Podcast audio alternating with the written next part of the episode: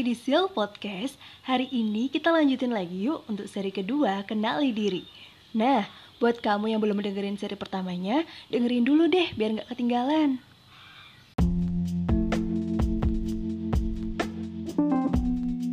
sedihnya level 2 sedihnya ternyata berulang jadinya wow sedih banget sampai level 10 gitu itu itu sulit.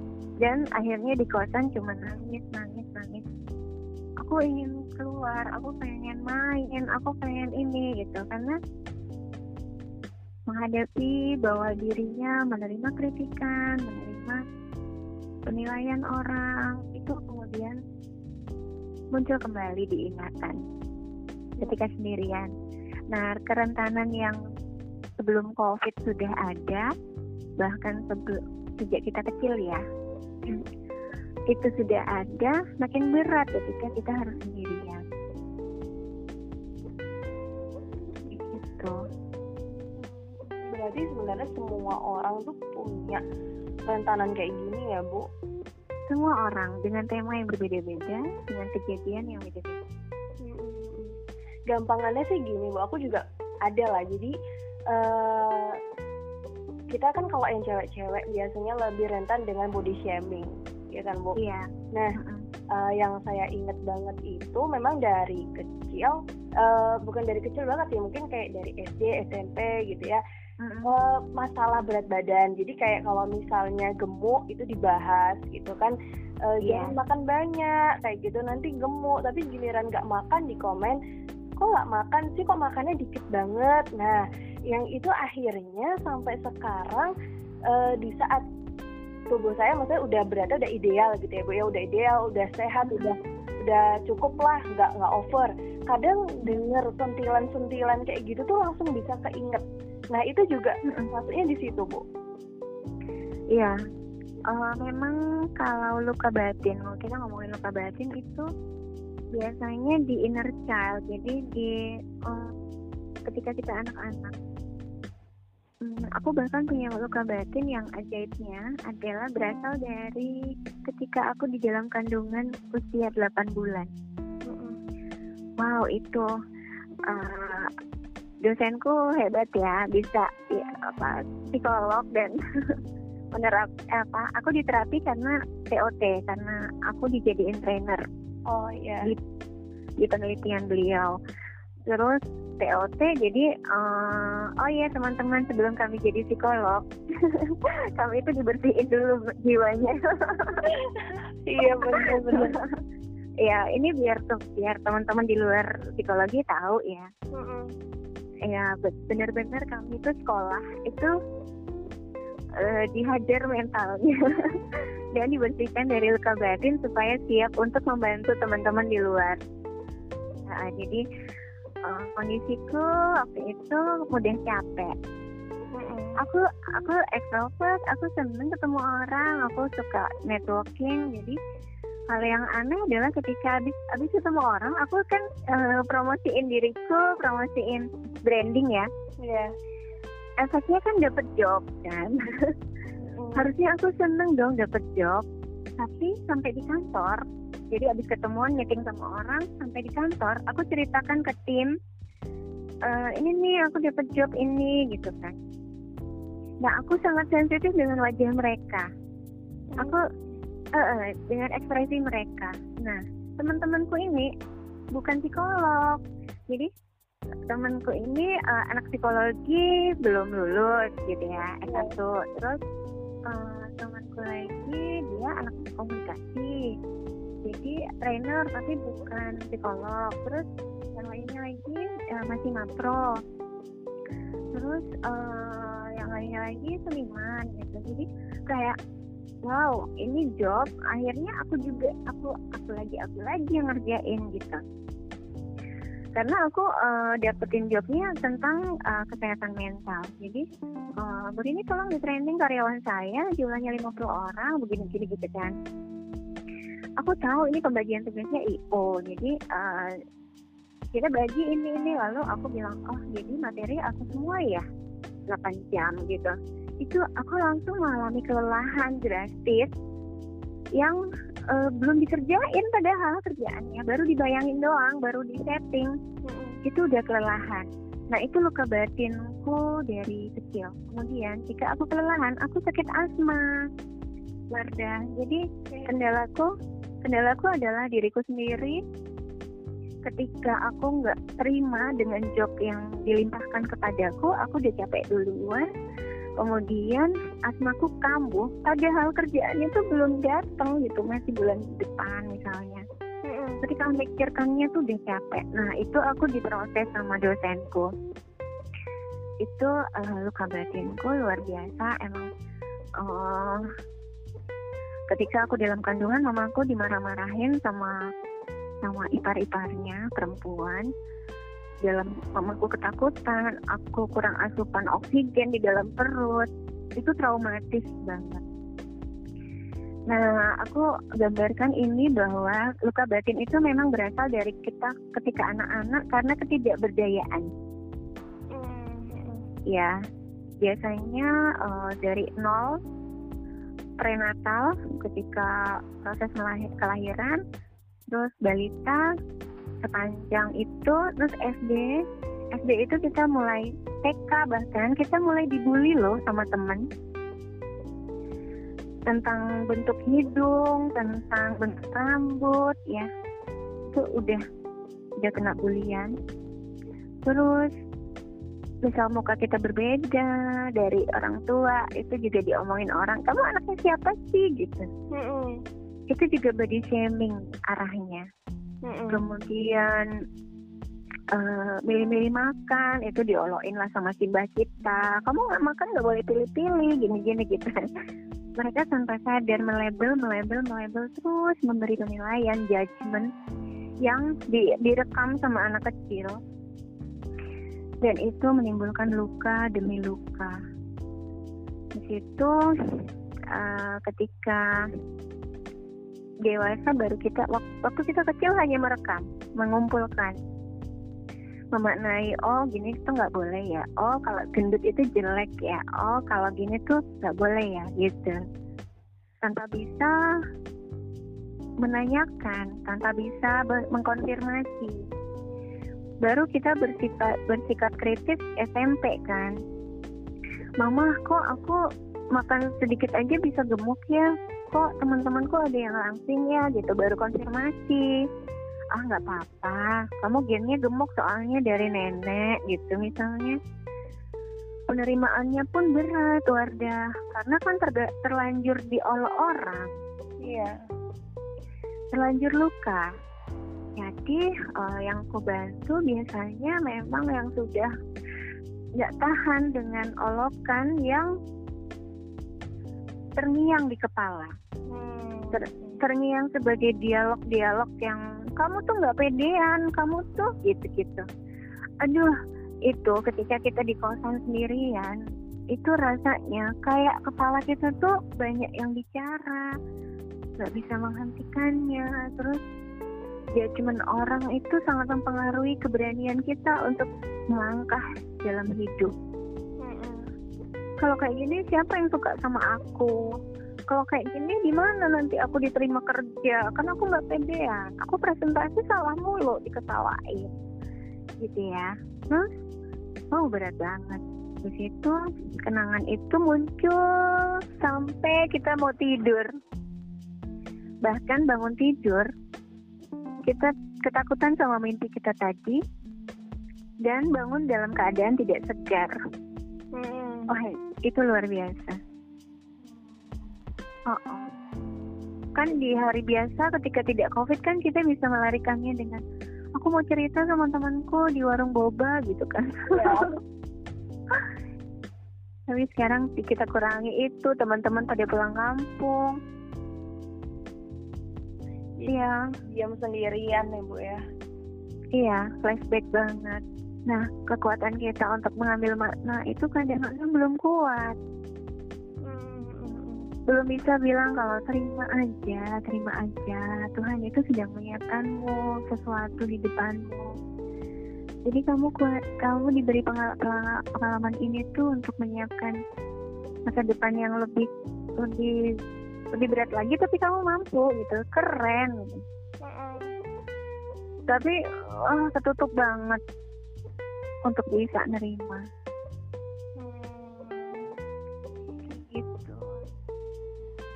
Menarik banget sih bu ini tuh. Karena apa ya emang itu tadi semua orang pasti punya kerentanan kayak gini. Dan yang mm bahas di awal kayak kita tuh kadang nggak sadar sama masalah kita sendiri sampai akhirnya yeah. situasi itu berulang. Gitu kan bu? Iya. Bahkan yang lebih tidak disadari lagi itu bisa berulang dari generasi ke generasi. Oh ya? Iya dari nenek kita dari dari bapak kita gitu.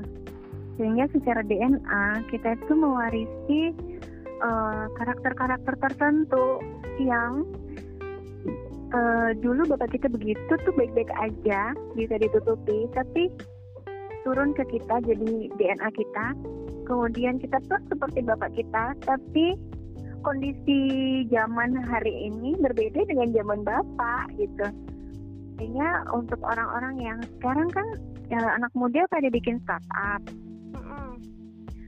bapak kita dulu pegawai, kakek kita dulu pegawai, yang nurut sama atasannya. Kerjakan ini, oke okay, kerjakan. Berangkat ke sini, oke okay, berangkat.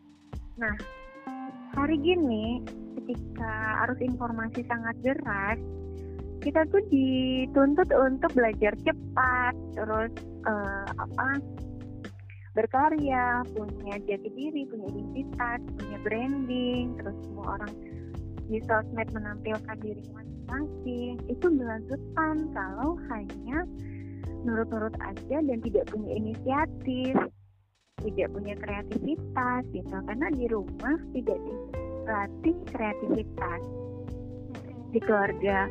Nah zaman gini oh, ketika kita tidak kreatif kita baru ini aku udah berusaha untuk inovasi. Apa ya ngapain ya? Teman-teman aku jualan fashion teman-teman aku bikin bikin vlog uh, traveling jalan-jalan. Aku ngapain ya? Aku nggak punya apa-apa. Aku nggak bisa apa-apa gitu. Dan dia panik panik nggak bisa apa-apa. Dan makin panik ketika comparing with others. Jadi uh, teman aku udah keluar negeri tuh. Dia bisnis just tip. Uh, dia nggak masuk kuliah cuma seminggu. Pulang-pulang udah dapet 12 juta 15 juta keuntungan dari tip kayak gitu. Emang perginya ke mana? Ke Thailand mbak Rini beli-beli barang-barang Thailand terus dapat duit uh, teman-temannya nitip di foto-foto dia jalan-jalan jadi nggak di apa nggak keluar uang karena dibayarin sama teman-teman yang biasa itu. Nah kamu pengen nggak? Pengen tapi nggak bisa. Aku coba gimana sih orang lihat tiket di Traveloka aja kaget sendiri gitu. Eh, oh my god iya sih gue bilang gitu. Hmm. jadi secara secara DNA dia ter, terlahir di keluarga yang selalu jadi pegawai uh, yang tidak punya inisiatif gitu. Nah hari ini mereka akan tersiksa. Uh, itu tanpa sadar dia hanya uh, panik. Uh, aku sakit hati mbak, temanku bilang masa nggak bisa sih gitu aja gitu ya. Tapi aku pasangnya juga nggak bisa gitu. Aku coba dropshipper aku coba uh, jualan online. Itu nggak mampu mbak. Aku cobain seminggu efeknya begini gagal aku kehilangan uang. Oh nggak enakan gitu. Nagih pembeli untuk pembayarannya itu nggak tega. Dan lain-lain sehingga sehingga uh, gagal habis duitnya karena nggak bisa bisnis oh itu ketika aku tarik apa penyebabnya ternyata dari karakter orang tuanya. Ah itu benar-benar tidak disadari loh warga. Iya yeah, bu ya. Jadi termasuk lagi bu termasuk uh, ketika kita punya masalah maksudnya kita baru merasa punya masalah ketika udah agak besar kayak gitu bukan waktu kecil. Berarti itu tetap -hmm. ada pengaruhnya dengan uh, mungkin orang tua kita jangan dulu gitu ya bu. Iya. Kan kebiasaan kita adalah mencari penyebab dari segala sesuatu karena kita kan disekolahin dengan metode kognitif banget ya. Iya.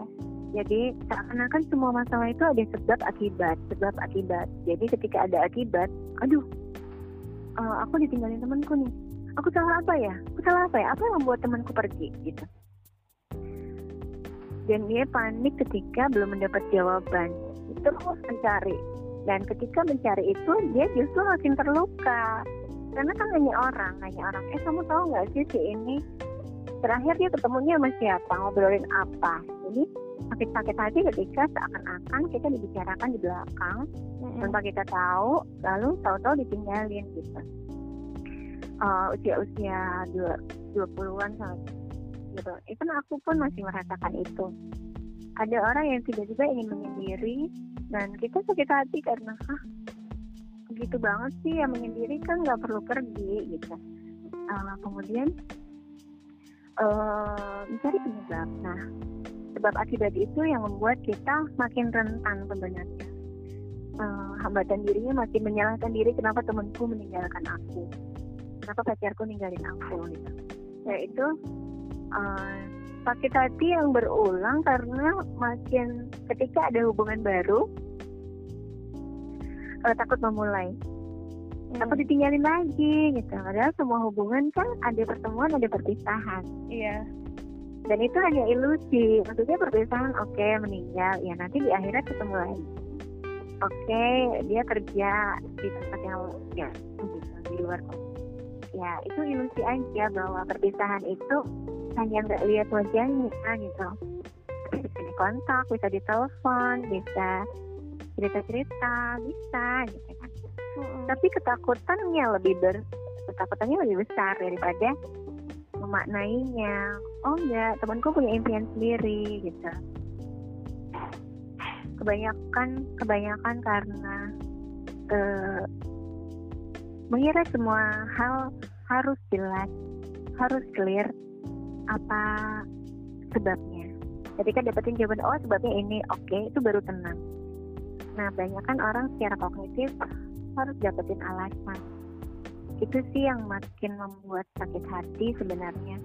Hmm. expect seperti halnya ekspektasi. Ekspektasi kita harusnya temenku ngerti dong kalau aku lagi kesulitan gitu. Yeah. itu kan ekspektasi tapi ketika kenyataannya temennya nggak tahu iya beneran kamu nggak pernah cerita kata dia gitu.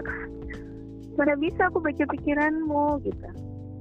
Oh kita kemudian terluka ya ampun aku mengharapkan kamu ngerti sendiri loh. Nggak bisa gitu. Even psikolog pun bisa salah mengerti. Kami belajar untuk membuat analisis. Saya kira orang ini sedang mengalami ini tapi kan dalam ranah kerjaan dengan assessment dan dengan banyak data gitu. Tapi kita nggak serta merta memahami orang lain begitu saja. Nah itu ekspektasi juga berat. Jadi berulang ada orang yang sakit hati di tema-tema pertemanan di tema-tema pacaran itu karena berharap orang lain ngerti sendiri. Dan nggak tahu kalau dari orang tua kita ternyata sifatnya mirip gitu bapakku juga gitu nggak pendiam nggak suka cerita tapi nyuruh orang lain ngertiin dia oh oke okay. oke okay, ya. mm -mm.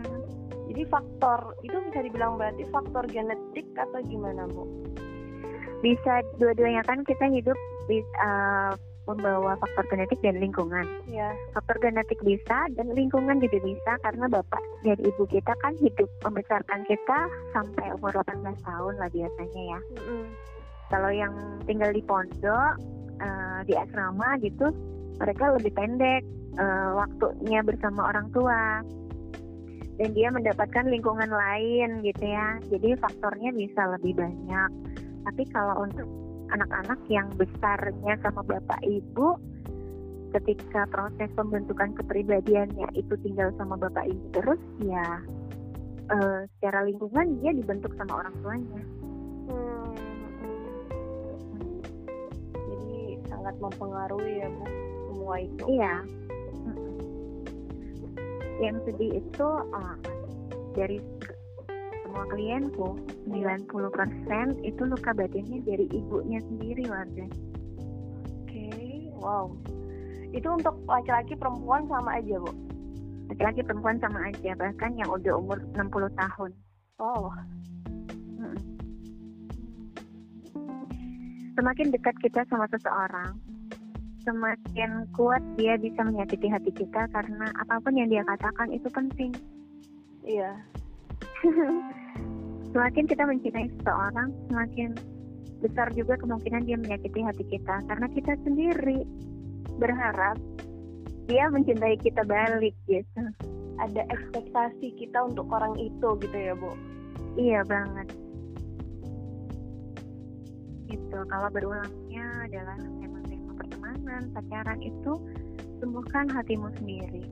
Karena luka batin itu gak ada orang lain yang tahu, cuma kita sendiri. Jadi uh, dari sepanjang obrolan ini bisa dibilang semua orang itu pasti punya luka batin, cuma temanya berbeda-beda, gitu kan? Dan yeah. Iya. um, ketika situasi itu berulang, itu bisa karena faktor terdahulu yang mungkin kita tidak sadari itu gitu kan bu iya biasanya laten sih ketika under pressure banget itu baru muncul itu bisa jadi dari hari ke hari kita cerita biasa-biasa terus happy gitu. Tiba-tiba kita kerja di perusahaan asing yang tuntutannya tinggi baru kita stres stres banget lalu depresi. Itu bisa. Hmm, baru jadi, keluar. baru muncul ya kerentanannya baru muncul. Jadi ada orang yang kok bisa ya Bu Rini? Uh, temanku tuh tiba-tiba loh gininya gitu. Jadi minta pertolongan psikolog itu udah parah banget emang. Jadi udah parah banget baru Bu Rini minta tolong minta tolong temanku nggak bisa bangun gini-gini gitu. Udah udah desperate putus asa. Hmm. di kamar terus dia itu uh, depresif ya. Kemudian menolak, menolak bantuan apa pun. Nah kadang-kadang uh, temanya muncul di saat-saat tertentu tapi di intensitas yang sangat berat. Sehingga kita nggak bisa uh, dia nggak bisa dealing nggak bisa berdamai dengan itu. Dan justru ketika orang hidupnya baik-baik aja itu sebenarnya tanda tanya Warda oke. Okay. apakah dia emang biasa mengalihkan diri dari masalah? Gitu. Apakah benar-benar hidupnya senyaman itu? Gitu ya uh -uh. karena tidak kalau di Al-Quran kan tidak akan masuk surga umatku jika belum diuji kan? yeah aduh Tuhan kok hidupku lempeng banget dua tahun ini happy banget. Terus uh, rezeki berlimpah gak kekurangan apa-apa. Allah aku kok nggak diuji nih gitu. Tapi nggak ada nggak ada orang yang bilang kayak gitu. Iya iya ketika diuji baru ya Allah kok nggak sayang sama aku? Iya kebalik. Justru karena sayang akhirnya diuji gitu kan bu. Iya biar rapotnya nambah nilainya kan. Iya jadi justru malah harus dipertanyakan dan harus dicurigai kalau orang yang di luar sana mengatakan aku baik-baik aja aku nggak ada masalah gitu kan. Bisa jadi yeah. mungkin ya mungkin dia bisa mengatasi masalahnya atau dia hanya ya berkata seperti itu aja walaupun sebenarnya di dalamnya ada masalah gitu. Ya ketika orang ngobrol dan aku menemukan uh, alhamdulillah ya aku punya kepekaan dianugerahi kepekaan baca gestur. Mm-hmm. Jadi ada nggak sinkron antara kedipan matanya dengan uh, dengan gerakan mulutnya, dengan gerakan pundaknya, gerakan tangannya ketika bicara itu nggak sinkron itu aku misalnya nanya ada masalah uh, sama ini ada masalah apa? Cerita dong gitu ya. Itu tuh bilang gak apa-apa baik-baik aja gitu. Itu kemungkinannya sih satu dia tidak mengenal dirinya. Mm. dua dia defensif. Iya. Mm. nggak mau dikorek nggak mau digali. Dia uh, tutupin ditutupin lukanya ditutupin. gitu ngobrol yang lain dialihkan mm-hmm. nah menarik nih bu karena pertama tadi dia tidak mengenali dirinya terus iya. gimana sih sebenarnya caranya untuk kita bisa mengenali diri karena uh, ya di situasi sekarang ya bu ya jujur aku sering banget nih lihat kayak uh, live Instagram atau webinar yang mengarahkan ayo nih kenali diri kita, kenali diri kalian. Nah sebenarnya kalau dari sudut pandang ibu cara mengenali diri itu kayak gimana sih? Wow, ini pelajaranku berapa SKS ya?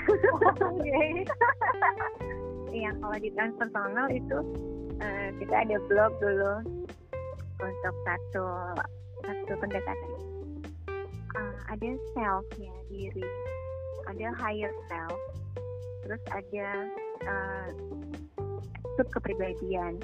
Banyak banget ya kalau dikenali uh, mudah paling mudah adalah mengenali diri dari peran-peran kita. Hmm.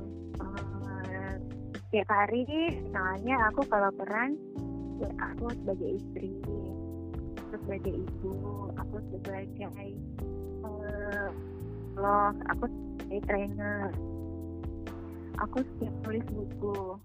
Itu uh, dari itu itu menampilkan yang berbeda. Jadi ketika nulis buku kan aku diem ya otomatis. Um, butuh waktu untuk masuk ke imajinasiku ke ke apa cara meng mengolah kata yang bisa berdampak untuk yang baca gitu. Sehingga butuh keheningan butuh menyendiri butuh konsentrasi selama beberapa hari tidak diganggu. Kan uh, di hari biasa aku sebagai sahabat itu ekstrovert banget. Ngajak aku yang menciptakan suasana aku yang aku yang ngajak kegiatan aku yang ngajak hura-hura ketawa-tawa gitu. Hmm. yang membuat suasana tuh aku. Jadi di, tentu tidak pendiam di situ. Dia peran yang berbeda. Terus uh, sebagai ibu oke okay, anakku pertama minta apa? Anakku kedua butuh apa? Anakku ketiga tidurnya jam berapa? Uh, anakku keempat PR-nya sebanyak apa? Aku dampingi apa? Itu uh, banyak memikirkan banyak ber harus hadir gitu sehingga aku akan bilang anakku jam segini ibu pergi kerja nanti PR PR-nya dikerjain sore ya dek gitu. Uh, itu kita uh, aku mesti menyesuaikan diri dengan anggota keluarga tentang manajemen waktu tentang hmm, tentang bagaimana aku membagi pikiranku gitu. Berbeda sekali dengan ketika aku jadi penulis buku aku pengen sendirian tolong jangan diganggu gitu ya. Itu uh, kenali nah paling gampang kenali peran karena kita tiap hari uh, secara konkret melihat itu merasakan itu dan bertemu dengan situasi yang berbeda-beda. Jadi di, dinamain tuh perannya Wardah nah dari peran-peran itu aja kita udah bisa mendapat gambaran untuk kepribadian. Jadi ketika jadi penulis buku aku pendiam aku pemikir aku perenung mencari makna gitu. Uh, kritis. Terus sebagai ibu aku tidak kritis. Karena ketika aku jadi ibu kalau aku kritis aku akan menemukan banyak kesalahan-kesalahan anakku. Kan kasihan anakku. Dia baru mencoba baru belajar. Kalau dinilai kalau dijudge kalau disalah-salahin kan nanti nggak berani belajar gitu. Yeah. kemudian aku menahan diriku untuk tidak kritis ketika jadi ibu. Nah itu kemudian diganti dengan sifat apa ibu? Gitu ya. Mm -hmm. ah aku lebih melas asih lebih bisa menerima kalau anakku lagi bikin salah. Dimotivasi lagi dimotivasi lagi gitu. Jadi aku sudah alhamdulillah ya sudah tujuh tahun ini aku tidak tidak tidak punya rasa marah yang ekstrim. Itu berkah banget.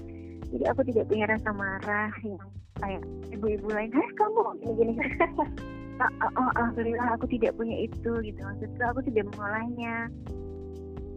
Setiap apa yang aku katakan setiap apa yang aku lakukan itu karena cinta gitu. Sehingga yang keluar dari kata-kataku dari intonasiku itu benar-benar uh, aku sadar ini bukan marah ini bukan kalau cinta kalau cinta pasti tidak sakit. Kalau kalau sakit itu bukan cinta. Ketika kita ngecek diri sendiri kok aku sakit hati ya? Oh aku ekspektasiku tinggi aku tidak mencintai temanku. Itu dicek lagi. Oh kalau kalau sakit berarti bukan cinta. Oh kalau sakit berarti kamu menuntut gitu. Okay. ya itu perlu Nah, mengenali diri, mengenali peran paling mudah, kemudian mengenali sifat-sifat. Diingat kapan kapan marah, kapan kapan menangis, kapan cengeng, kapan ini gitu. Dan kejadian-kejadian itu dikoleksi. Nah, ada banyak orang yang takut dengan mengingat kejadian uh, menyakitkan.